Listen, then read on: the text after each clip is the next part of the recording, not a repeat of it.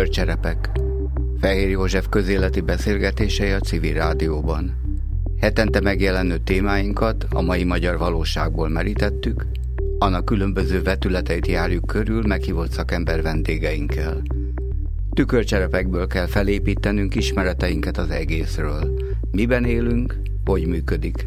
Korunk civiljének, ha nincs más, magának kell a tisztában látás lehetőségét megteremtenie. Amit ígérni tudunk, a részek és az egész viszonyára rálátással bíró legjobb szakembereket hívjuk a mikrofon elé.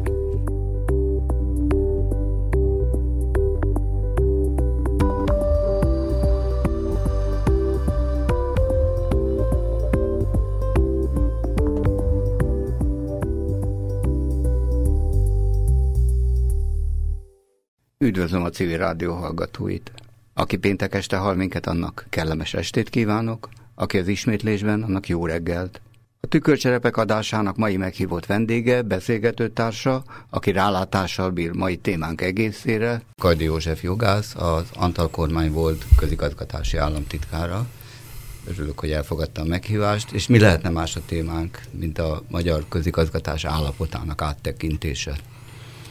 Hadd kezdjük a hallgató számára nem egészen biztosan ismert tényekkel, hogy a mai magyar közigazgatás hány szintből áll, és tulajdonképpen az egyes szintek, ahogy lefelé haladunk, milyen meghatározó döntési kompetenciával rendelkeznek.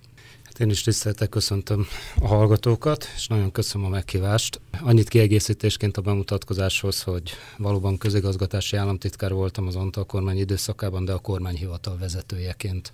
Ma gyakorlatilag a központi közigazgatást is természetesen figyelembe véve egy túlságosan tagolt és egy nagyon, azt kell mondanom, hogy több rétegű közigazgatási szint létezik. A, és vegyük külön, én mindenképp külön kezelném a központi közigazgatás kérdéskörét, leginkább azt ismerem értelem szerint, illetőleg azért a... Az egyszerű ember államnéven tart nyilván amit az egyszerű ember államnéven, bár sokan azért az önkormányzati rendszert is az állam és a közigazgatás részének tekintik, ami valahol szintén érthető, és én külön kezelném azért az önkormányzati közigazgatási rendszer struktúráját. Kezdve akkor a központi közigazgatással, ami gyakorlatilag a magában foglalja a kormányhivatal, illetőleg az egyes minisztériumok létét, illetőleg a különböző országos hatáskörű szerveket és a háttérintézmények sorát. A mai magyar közigazgatás egyébként annyiban ennek az előzménye azért 1990 a rendszerváltozásra nyúlik vissza. Mindenképp abból kell kiindulnunk, hogy a 1989-es alkotmány, független attól, hogy ennek egy régi megjelölése maradt fenn, a 49 évi 20-as, az gyakorlatilag azért egy új közigazgatási rendszer alapját is teremtette meg. Egy kicsit német mintára egy kancellári típusú közigazgatási rendszert, amelyben a párt elnöke és a miniszterelnök egy és ugyanaz.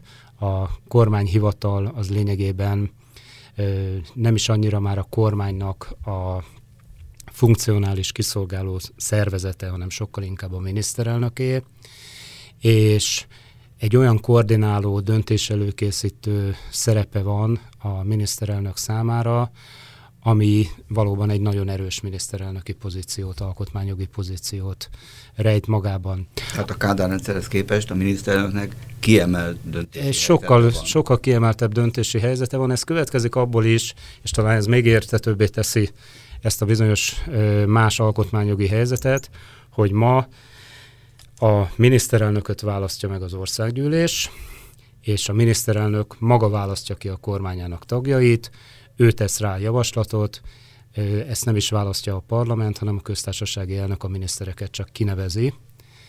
És ha megszűnik a miniszterelnök mandátuma, ezzel automatikusan a kormányának a mandátuma is megszűnik, tehát gyakorlatilag a miniszterek léte elnézést, hogy így fogalmazok, egyértelműen a miniszterelnök lététől függ, tehát a miniszterelnök megbizatásához kötődik nagyon szorosan a miniszterek megbizatása is. Elnézést, hogy rákérdezek. Azt gondolom, hogy a miniszterelnökséggel, a minisztériumokkal, ezek döntési jogkörével, hatalmával, úgy, ahogy általában az átlagos hallgató, olvasó tisztában van, de vannak olyan szintek, beleértve az újszerű önkormányzati megközelítést is, hogy amikkel lehetséges, hogy fogalma sincs, hogyha rá tudunk ezekre térni.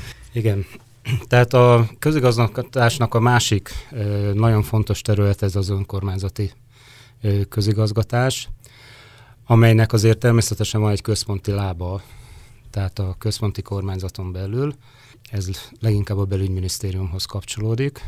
Ezen túl természetesen a különböző önkormányzati szinteket kell alapul venni, amelyben azért történt jelentős változás 1990-hez képest, amikor is többen úgy fogalmaztak, hogy hirtelen lett több mint 3300 kis állam vagy kis köztársaság a magyar köztársaságon belül, önálló, önálló entitás, mert valóban az Antal kormány igyekezett nagyon sok olyan helyben eldöntendő kérdéshez a hatáskört és lehetőség szerint a forrást is biztosítani, ami valóban lehetővé tette ezeknek az önkormányzatoknak a működését. Nem azt mondom, hogy ez egy tökéletesen kigondolt rendszer volt, azóta nagyon sok kritika is éri azt a bizonyos 1990 őszén elfogadott önkormányzati törvényt, ami ezt létrehozta.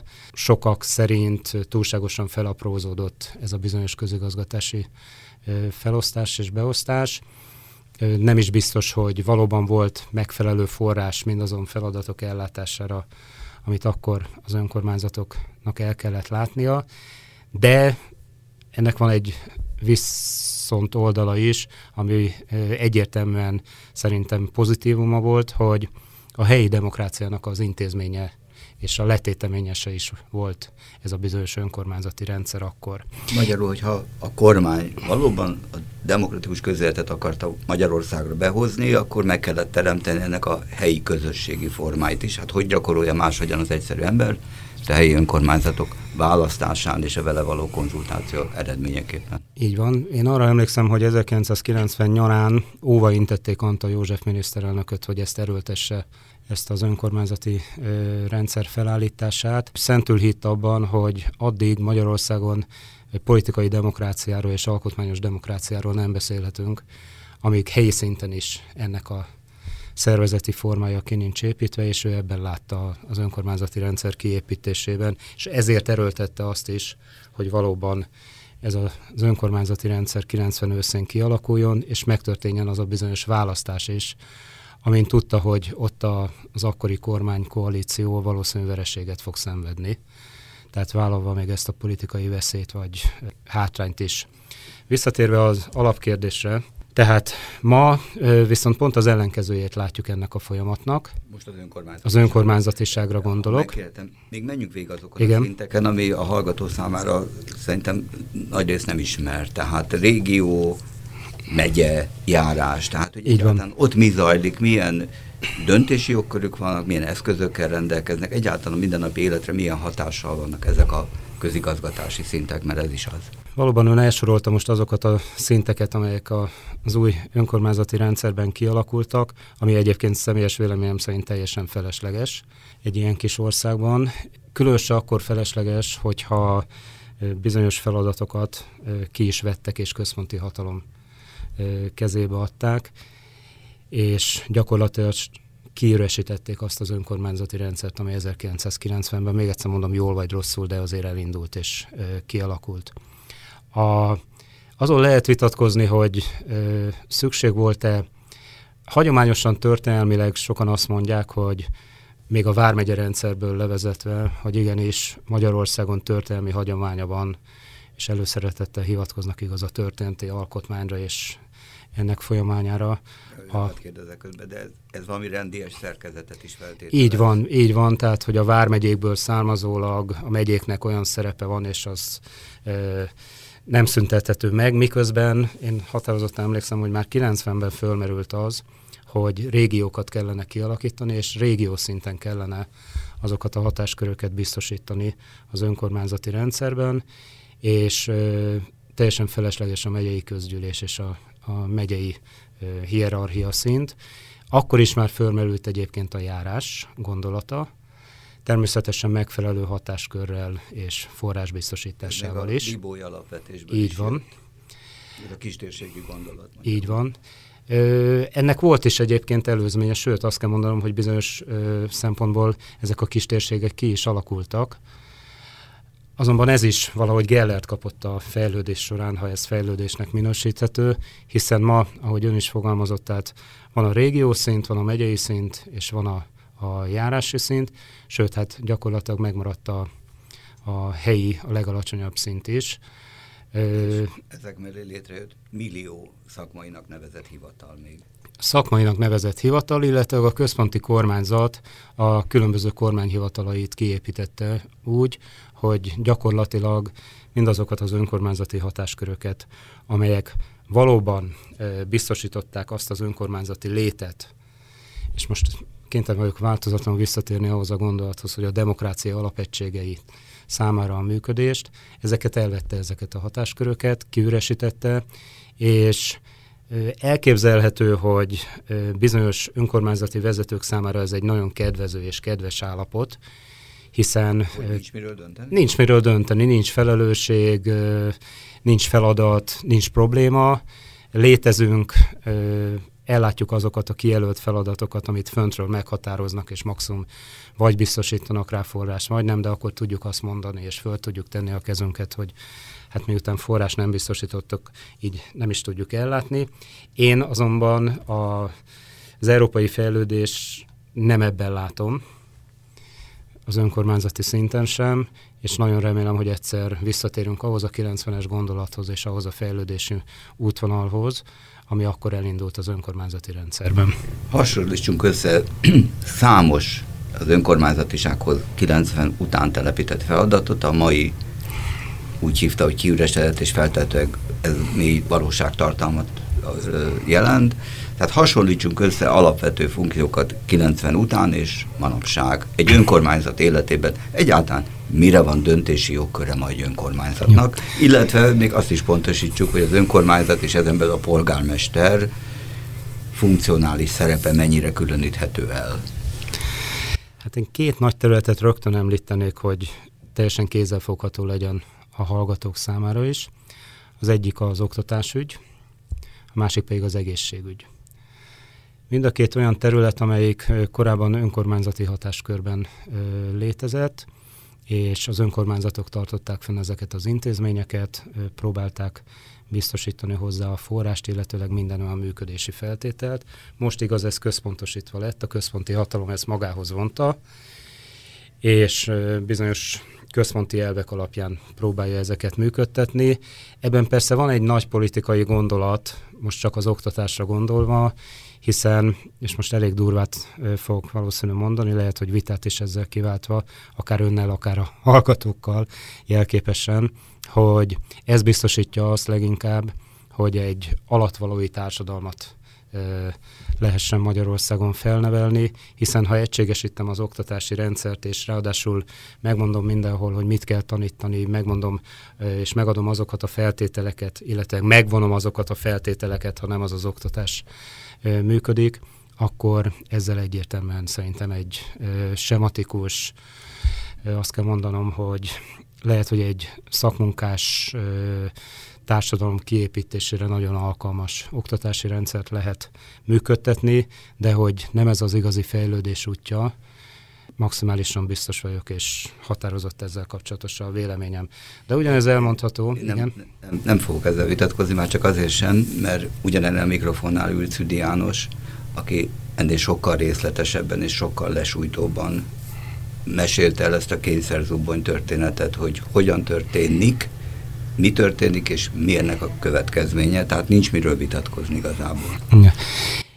Megmondom őszintén, hogy valahol hasonlót érzek, bár nyilvánvaló, hogy a végeredmény legalábbis a tudatformálás tekintetében azért más az egészségügy területén, de hogy ez is valahol oka, és erre is visszavezethető az, amit épp most olvastam, hogy egy év alatt ezer orvos távozott Magyarországról, abban biztos vagyok, tehát amikor ma, vagy akár a legutolsó híreket hallgatván és interjúkat, beleértve Pusztai Erzsébetet is a elnökségünk tagjának a véleményét, hogy ma már a kórházakban nemhogy fertőtlenítőszer nincs, hanem már gyógyszer sincs. Tehát lassan ott tartunk, hogyha egy beteg bemegy a kórházba, akkor már a gyógyszert is magának kell biztosítania és be kell vinnie. Mondom őszintén, hogy ennyire lerohadt állapotban az egészségügyet én még nem láttam, mondjuk még viszonylag fiatal vagyok, mondható ez, hiszen 56 éves vagyok, de ö, szörnyű állapotokat észlelek ezen a téren, amint semmit nem javított, sőt, szerintem kifejezetten rontott ez a központosítás. Tehát az önkormányzatiság kiüretisítése az egészségügy minőségére, a mindennapi életünknek erre a szakaszára is negatív befolyással bírt. Egyértelműen így érzem és így látom. Tehát én ennek a központosítási törekvésnek a gyakorlati és a, az adott önkormányzati szervezeti egység területén élő emberek számára pozitív hatását nem igazán látom. Nem szeretnék teljesen igazságtalan lenni, azért az önkormányzati rendszer terén talán egyetlen egy olyan terület van, ahol előrelépést látok, de hát ez következik abból a technikai fejlődésből is, ami azért a 21. század, vagy akár a 20. század végére jellemző. Itt az informatikára gondolok, tehát itt az ügyfélkapu rendszer kialakítása, ami nagyszerű dolog lenne, ha Magyarországon mondjuk az internetprezentáció teljes körül lenne, és nem az lenne, hogy a a magyar háztartások majdnem fele még mindig internet kapcsolat nélkül létezik. Tehát hiába van lehetősége és joga egy állampolgárnak, hogy az ügyfélkapunk keresztül intézze az ügyeit, hogyha erre a technikai és az objektív feltétel hiányzik, tehát itt gondolván az internet kapcsolatra. Akkor pontosítsunk. Tehát ma egy átlagos önkormányzatnak, az önkormányzat vezetőjének, tehát most beleértem természetesen a, a jegyzőt is, meg a a polgármestert is, egyáltalán mihez van joga? Mi az, amit a mindennapi életben öndö, ő dönt el például? Lehet, hogy megmosolyogtató például eldöntheti a közmunka kérdését. Ez, ez inkább veszélyes, mint meg. Ez inkább, mert inkább veszélyes természetesen. munkáról, vagy nem való hát, az eredménye. Igen, én nem találom ezt a megoldást, mondjuk a közmunkát a munkaalapú társadalom alapjának, mint ami mostában a kormányzat részéről ez gyakran elhangzik, és hogy ez a jövő útja. Tehát nyilvánvaló, hogy ebben dönthet, de ebben is úgy dönthet csak, hogy fölülről kapja meg mindig a keretet, és az alapján tudja eldönteni azt, hogy egyáltalán hány közmunkást tud alkalmazni majd a következő hónapban, és hogyha megkurtítják azt a keretet, akkor gyakorlatilag ez kénytelen ö, csökkenteni.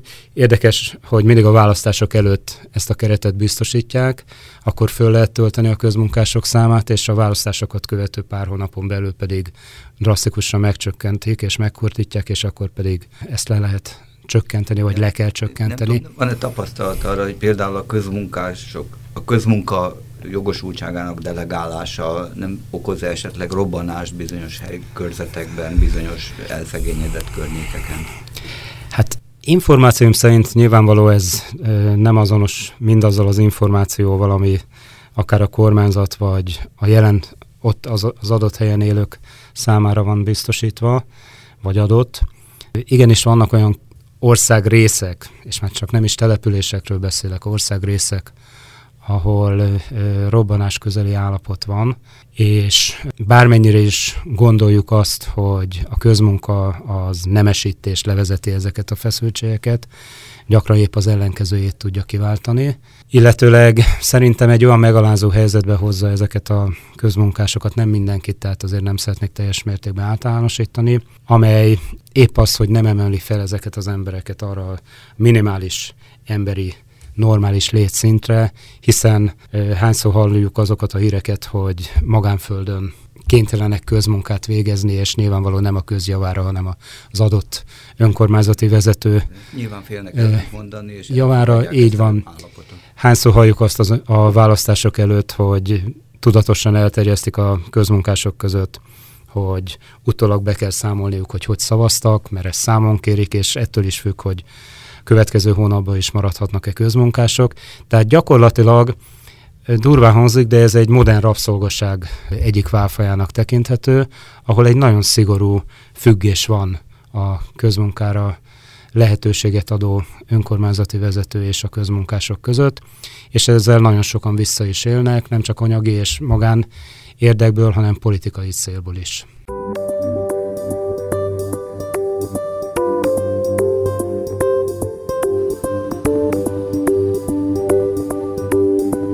Kajdi József jogász, az Antal kormány volt közigazgatási államtitkára.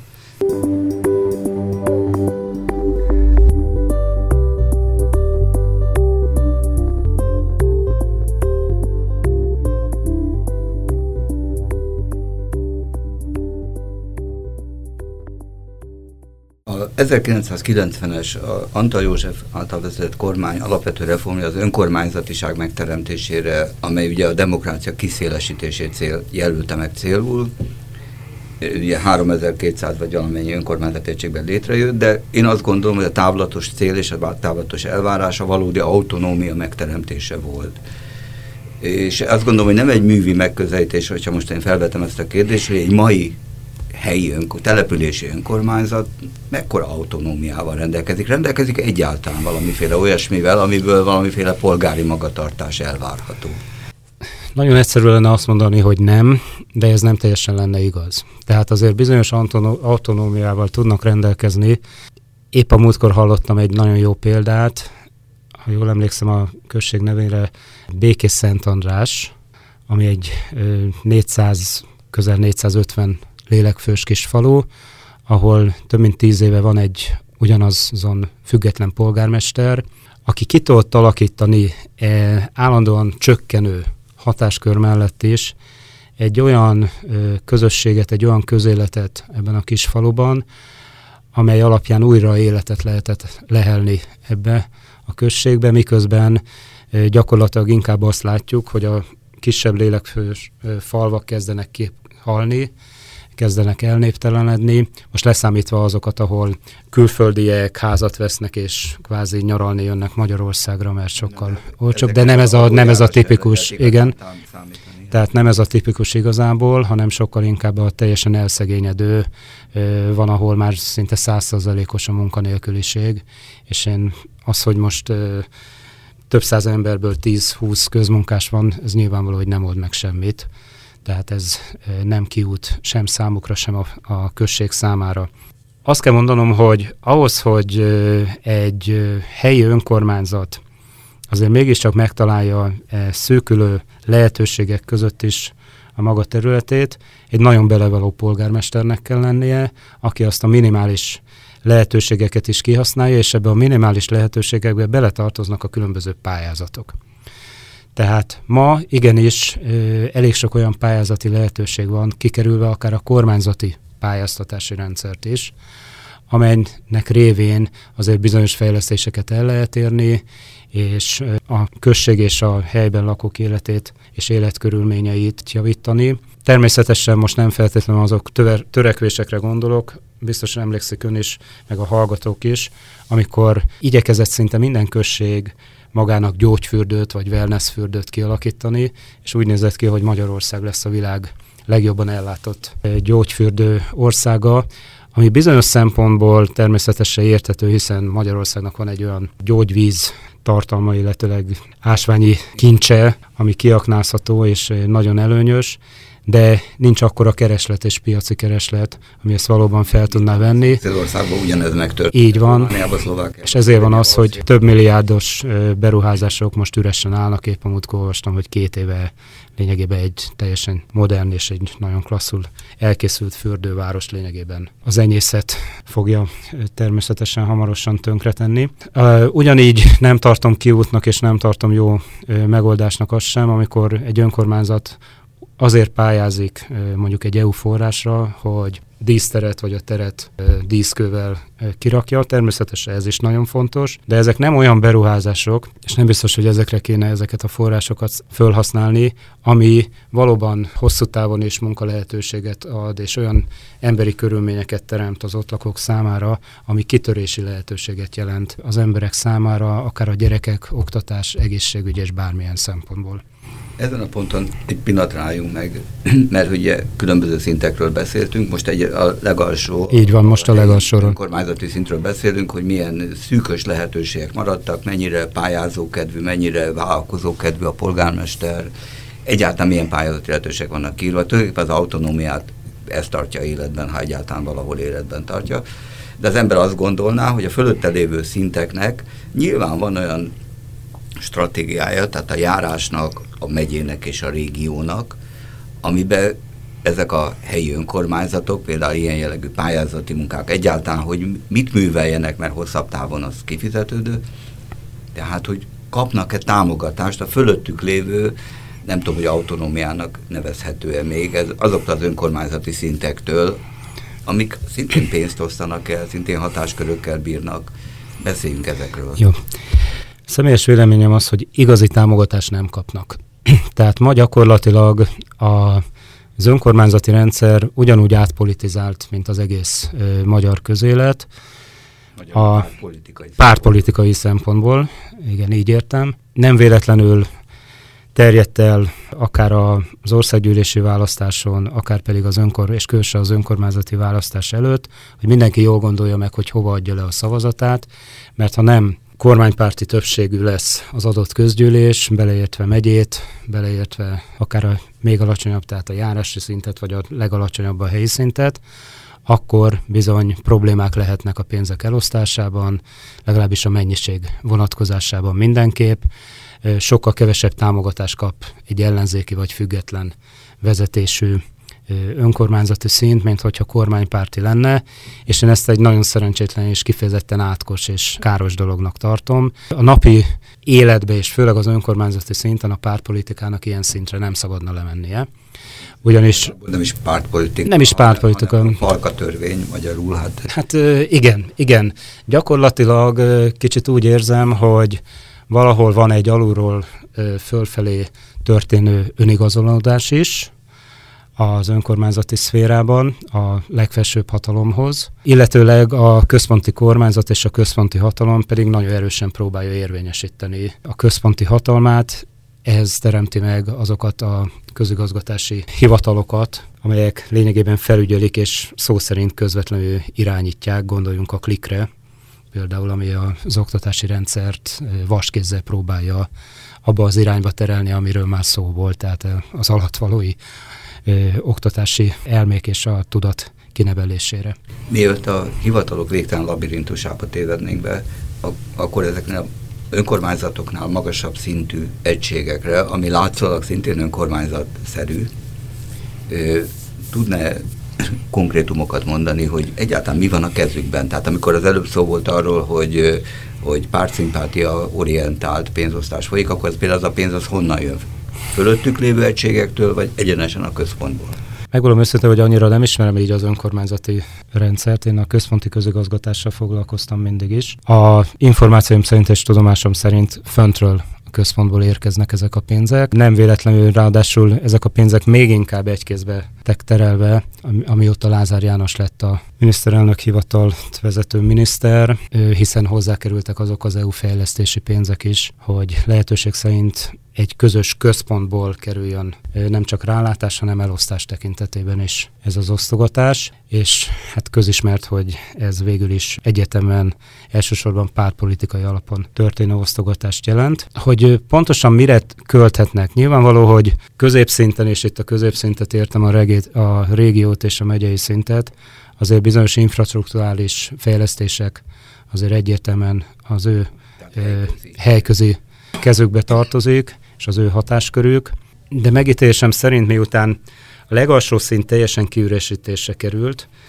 gyakorlatilag eszköz nélküliek már ezek a szintek is igazából. Formális. Formális, formálisak, formálisakká váltak. Így van, így van. Egy, gyakorlatilag igen, én így látom ezt a helyzetet, bár ne így lenne, de én ezt tapasztalom. Még egyszer mondom, itt egy drasztikus váltás és paradigmaváltásra lenne szükség az önkormányzati rendszert illetően, hogy mind a, a hatásköröket, mind pedig a forrásokat helyezzük vissza oda, ahol leginkább tudnak dönteni, és a leghelyesebben tudnak dönteni ezekről a kérdésekről, ami nem feltétlenül jelenti, itt lehet, hogy egy kicsit meglepőt fogok mondani, hogy a legalsó szintre kell ezeket visszahelyezni. Tehát én magának a járásnak a gondolatát egyáltalán nem tartom rossznak. Tehát az, hogy egy pár száz lélekfős kis falu ne tartson fenn iskolát, nem tartom eretnek gondolatnak.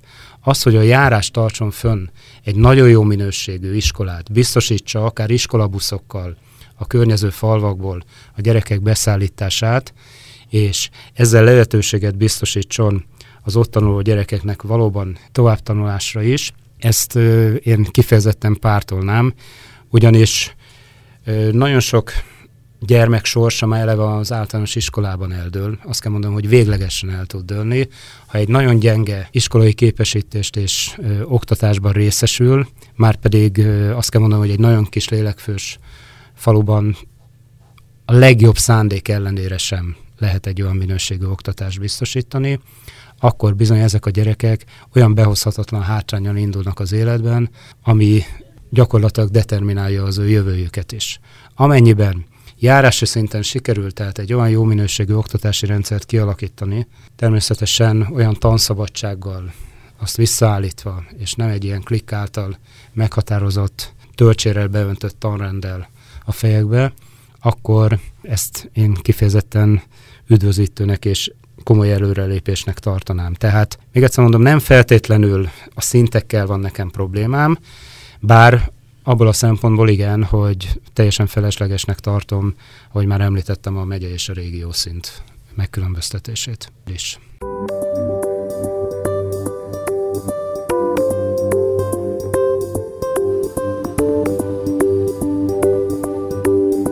Kajdi József jogász, az Antal kormány volt közigazgatási államtitkára.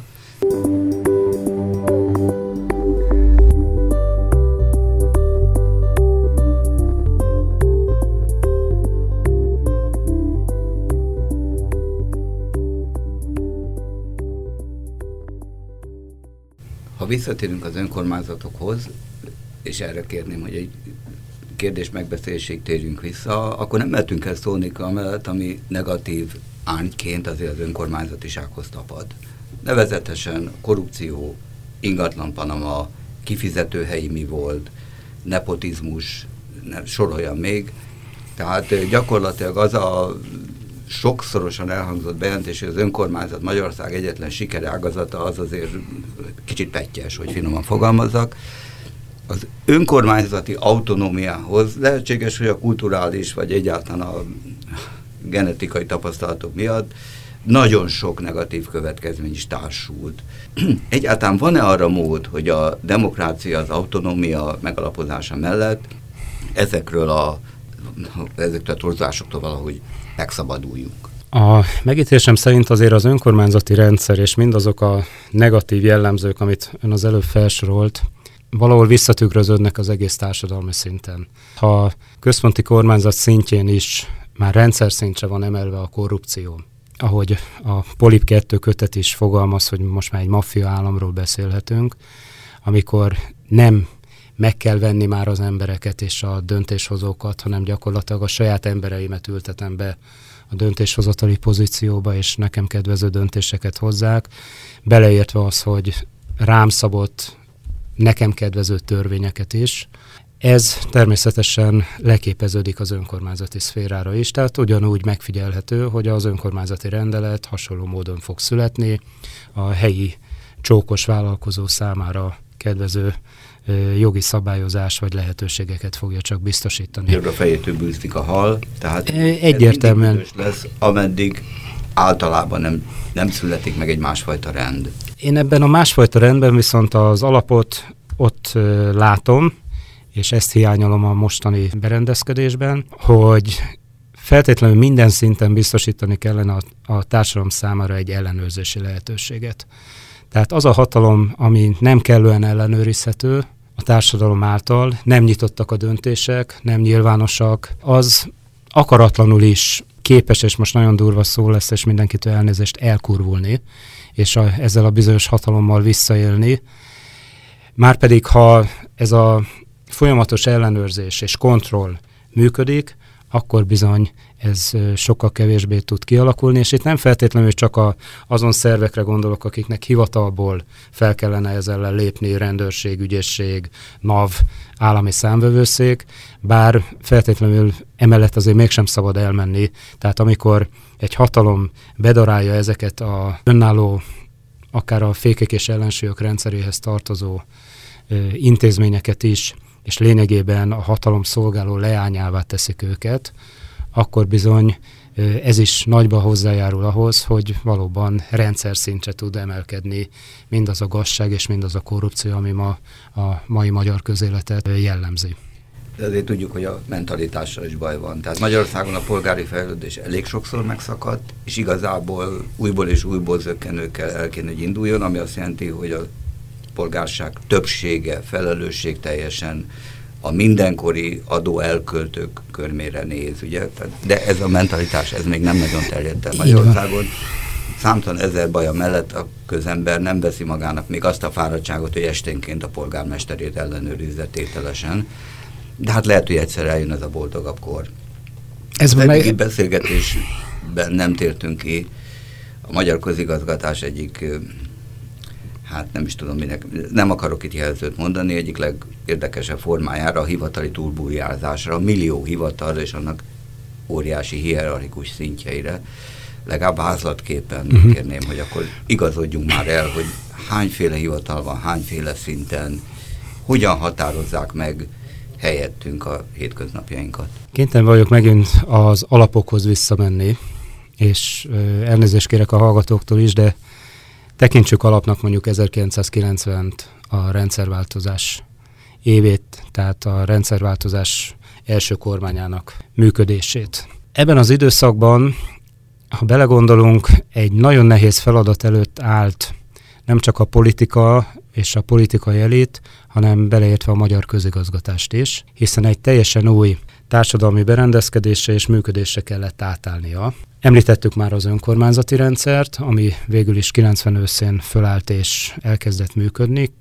kisebb-nagyobb gondokkal, de külön megér egy misét azért a központi közigazgatás is. Olyan szempontból, hogy egy folyamatosan működő országgyűlés állt föl 1990-ben, ha a hallgatók visszaemlékeznek, főleg a 80-as évek akár csak az első felére, amikor volt két ülésszaka a magyar parlamentnek, elfogadott a magyar parlament négy vagy öt törvényt, beleértve az adott jövő évi költségvetést is, és két hetente ülésezett a kormány, a kormány általában a pártközpontból megkapta a szükséges utasítást, az alapján meghozta a kormányzati döntéseket, és ezt kiszolgálta egy kormányzati apparátus, egy köztisztviselői kar. Föláll 90-ben, 1990-ben az Antal kormány, egy az, hogy jelentős változáshoz létre a minisztériumi struktúrában. Egyébként nagyon komoly leépítés következik be a háttérintézmények vonatkozásában, és drasztikusan csökken a közigazgatás létszáma is, legalábbis a központi közigazgatás létszáma. Én csak delegálta az alsóbb szintekre. Részben azért, mert valóban az önkormányzati szintre delegált elég sok döntést és hatáskört, részben pedig azért is, mert egy döntéshozatali centrumba összpontosult a kormányhivatalhoz lényegében a kormányzati döntéshozatal. Ennek ellenére például a kormányhivatal létszáma például az én időmben 90 és 94 között 540 fő volt. Ebbe az 540 főbe beletartoztak a tárcaléküli miniszterek, titkárságai, a különböző címzetes államtitkárok, politikai államtitkárok, határon túli magyarok hivatala, stb. Most ennek a többszöröse dolgozik a kormányhivatalban, és azt kell mondanom, hogy a különböző minisztériumok létszáma is jelentősen nőtt, de a leglátványosabban viszont az állami vezetők száma nőtt. Egészen döbbenten láttam, hogy ma már a kormányhivatalban is az én időmben négy helyettes államtitkár működött, most, ha jól emlékszem, 18 vagy 20, és összességében is valami 87 helyettes államtitkár, miközben az Antal kormány törvénybe foglalta azt, hogy egy minisztériumnál maximum négy helyettes államtitkár létezhet.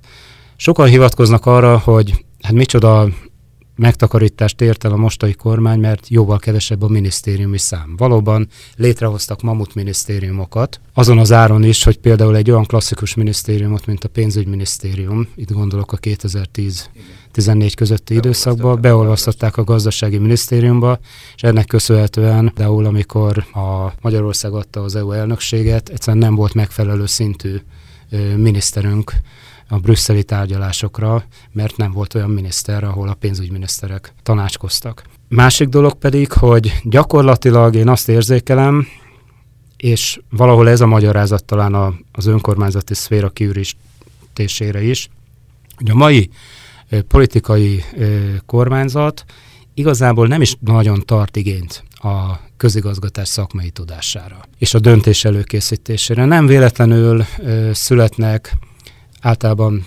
ügyvédi irodák által bizonyos törvényjavaslatok, méghozzá hihetetlen rövid határidővel. Nem véletlenül az elfogadott törvények döntő része az most az érdemiekre gondolok, nem nemzetközi szerződések jóváhagyására, az gyakorlatilag egyéni képviselői indítványként kerül be az országgyűlésbe. Gyakran úgy, hogy a szerencsétlen képviselő, aki a nevét adta a törvényjavaslathoz, még a címét se tudja annak az adott. Szerencsétlen töröljük. Jó, bocsánat, nem, igen, az, az erős volt, az erős igen. volt, igen. Elnézést ezektől a képviselőktől, minden esetre valahol minősíti őket, hogy gyakran még a törvényjavaslatuk címét sem ismerik, amit ők nyújtottak be hivatalosan, nem, hogy ők dolgozták volna ki ezeket.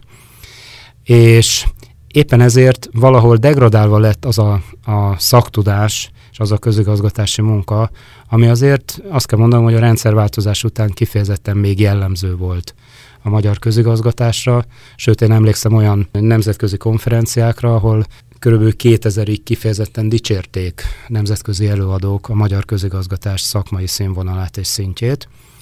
Ma ez jóval kevésbé mondható el, és ez nem feltétlenül a közigazgatásban dolgozók bűne szeretném hangsúlyozni, miközben azért hallatlanul felhigult a közigazgatás szakmai szintje is, gyakorlatilag lassan már nincs olyan plakátragasztó a kormánypártból, aki ne valamelyik minisztériumban dolgozna lehetőleg középvezetői szinten, és a korábbi szakemberek matlanságból részben, részben pedig azért, mert már túl régen ott vannak, és látták netán életben még Horn Gyulát is, vagy akár Antal Józsefet is, azok már nem megbízható káderek, Ugye, és itt van még egy nagyon jelentős változás, és ezt feltétlenül szeretném hangsúlyozni, hogy még a rendszerváltozás követően is volt természetesen a közigazgatásban ez bizonyos prioritás, az elhelyezkedés és az alkalmazás szempontjából az egyik és a legfontosabb volt a szakmai tudás, ez volt az első helyen.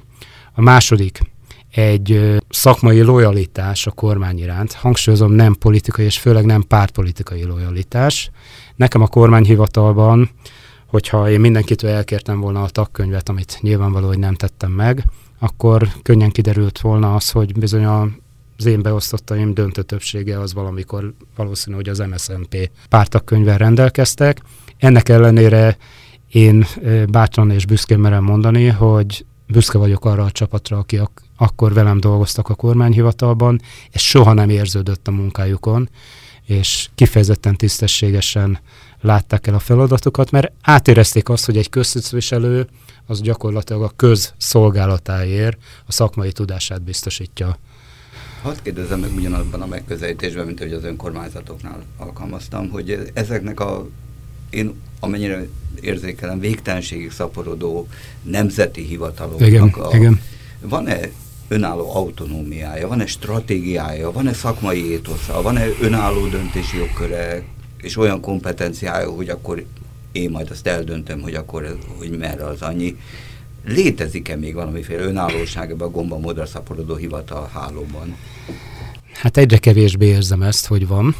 Sőt, ha nagyon erősen szeretnék fogalmazni, vagy lehet, hogy objektíven azt kell mondanom, hogy nincs. A, ma úgy érzékelem a, a közigazgatás működését, a központi közigazgatást, hogy van a fej, most a miniszterelnök úrra gondolok, aki vízióban gondolkodik, megfelelő küldetéstudattal, és ezt nem akarom tőle elvitatni, és azt sem, hogy ez jó szándék által vezérelt, és gyakorlatilag ő meghozza az általános stratégiai döntést, és az egész közigazgatás próbál utána szaladni, és valahogy ezt megfejteni és kidolgozni. Több barátom dolgozik azért még ma is közigazgatásban, akiktől azt hallom, hogy ma úgy zajlik le egy kormányülés, hogy utána több hétig próbálják megfejteni, hogy mi is lehetett a döntésnek az alapja, egyáltalán milyen munkaanyagot kell utólag kidolgozni ahhoz az adott döntéshez, hogy alá lehessen támasztani megfelelő szakmai érvekkel, tényekkel a meghozott döntést, ami nyilvánvaló, hogy gyakran nem sikerülhet, hiszen ebből is kiderül, hogy a döntéshozatal az egy kicsit megfordult, sőt, nagyon megfordult a korábbi évtizedekhez képest.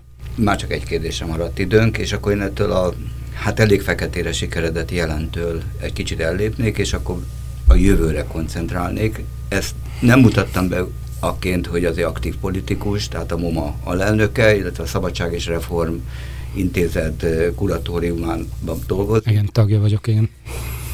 A kérdésem az, hogy készülnek-e már műhelyekben, műhelyben vagy műhelyekben közigazgatási reformtervek, olyanok, amelyek a közeljövő, remélem közeljövő magyar közigazgatását európaias, hatékony, működő modellre szabják át? Határozottan itt igen a válaszom. Ha csak a Modern Magyarország mozgalom programjait nézzük meg, ami a honlapunkon megtalálható, ott kifejezetten foglalkozunk mind a központi közigazgatás kérdéskörével, mind pedig az önkormányzati szférával, és határozott konkrét elképzeléseink vannak, hogy mi lehetne a kiút, és minek kellene bekövetkeznie ahhoz, hogy a magyar közigazgatás újra megfelelően az emberekért szolgáltató állam típusként és azt szolgálva és segítve próbáljon működni. Ehhez természetesen beletartozik valahol annak a köztisztviselői étosznak a visszaállítása is, ami most szerintem romokban fekszik. És bár sokat emlegetik, hogy a köztisztviselői életpálya, ez ma is egy divatos szó a mostani hatalom részéről, egyáltalán ezt a gyakorlatban nem észlelem és nem látom. Én amikor bekerültem valamikor a közigazgatásban a 80-as évek közepén, megvallom őszintén, engem megfertőzött a közigazgatás, és elég messzire kerültem tőle, de mind a mai napig szívem csücske az valahol a normális közigazgatásé, és ö, fantasztikus dolog egy olyan kormányzati döntés előkészítés apró csavarjaként működni, amiből aztán valóban nagyon komoly ö, a politikát és a társadalmi életet döntően meghatározó politikai és kormányzati döntések születnek. Ma, még egyszer mondom, a közigazgatásra vagy nem tart igazából igényt, vagy pedig csak egy utólagos kiszolgáló szerepe van a központi, vagy akár az önkormányzati közigazgatásnak, és teljes létbizonytalanság is, tehát az a köztisztviselői étosz, ami ö, szerintem kellene, és épp abból következne az is, hogy teljesen mindegy, hogy politikailag milyen értékrendet val valaki, egy köztisztviselő lojális a mindenkori kormányhoz, és a szakmai tudását ennek a kormánynak a szolgálatába állítja. Hisz abban, bízik-e benne, hogy a mostani jelenből levonható jövőbeli következmények megfordíthatóak, és valami pozitív folyamat is megvalósítható?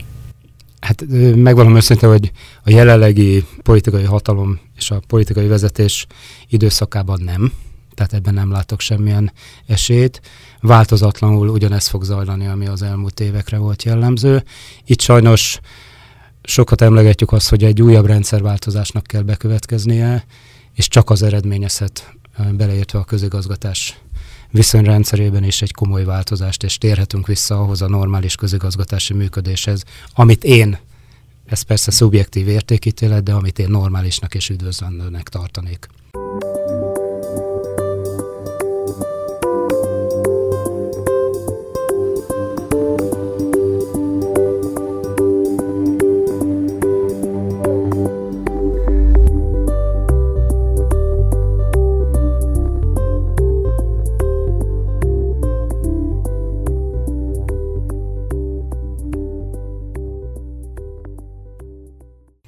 Kajdi József, köszönöm a beszélgetést. Én is nagyon köszönöm.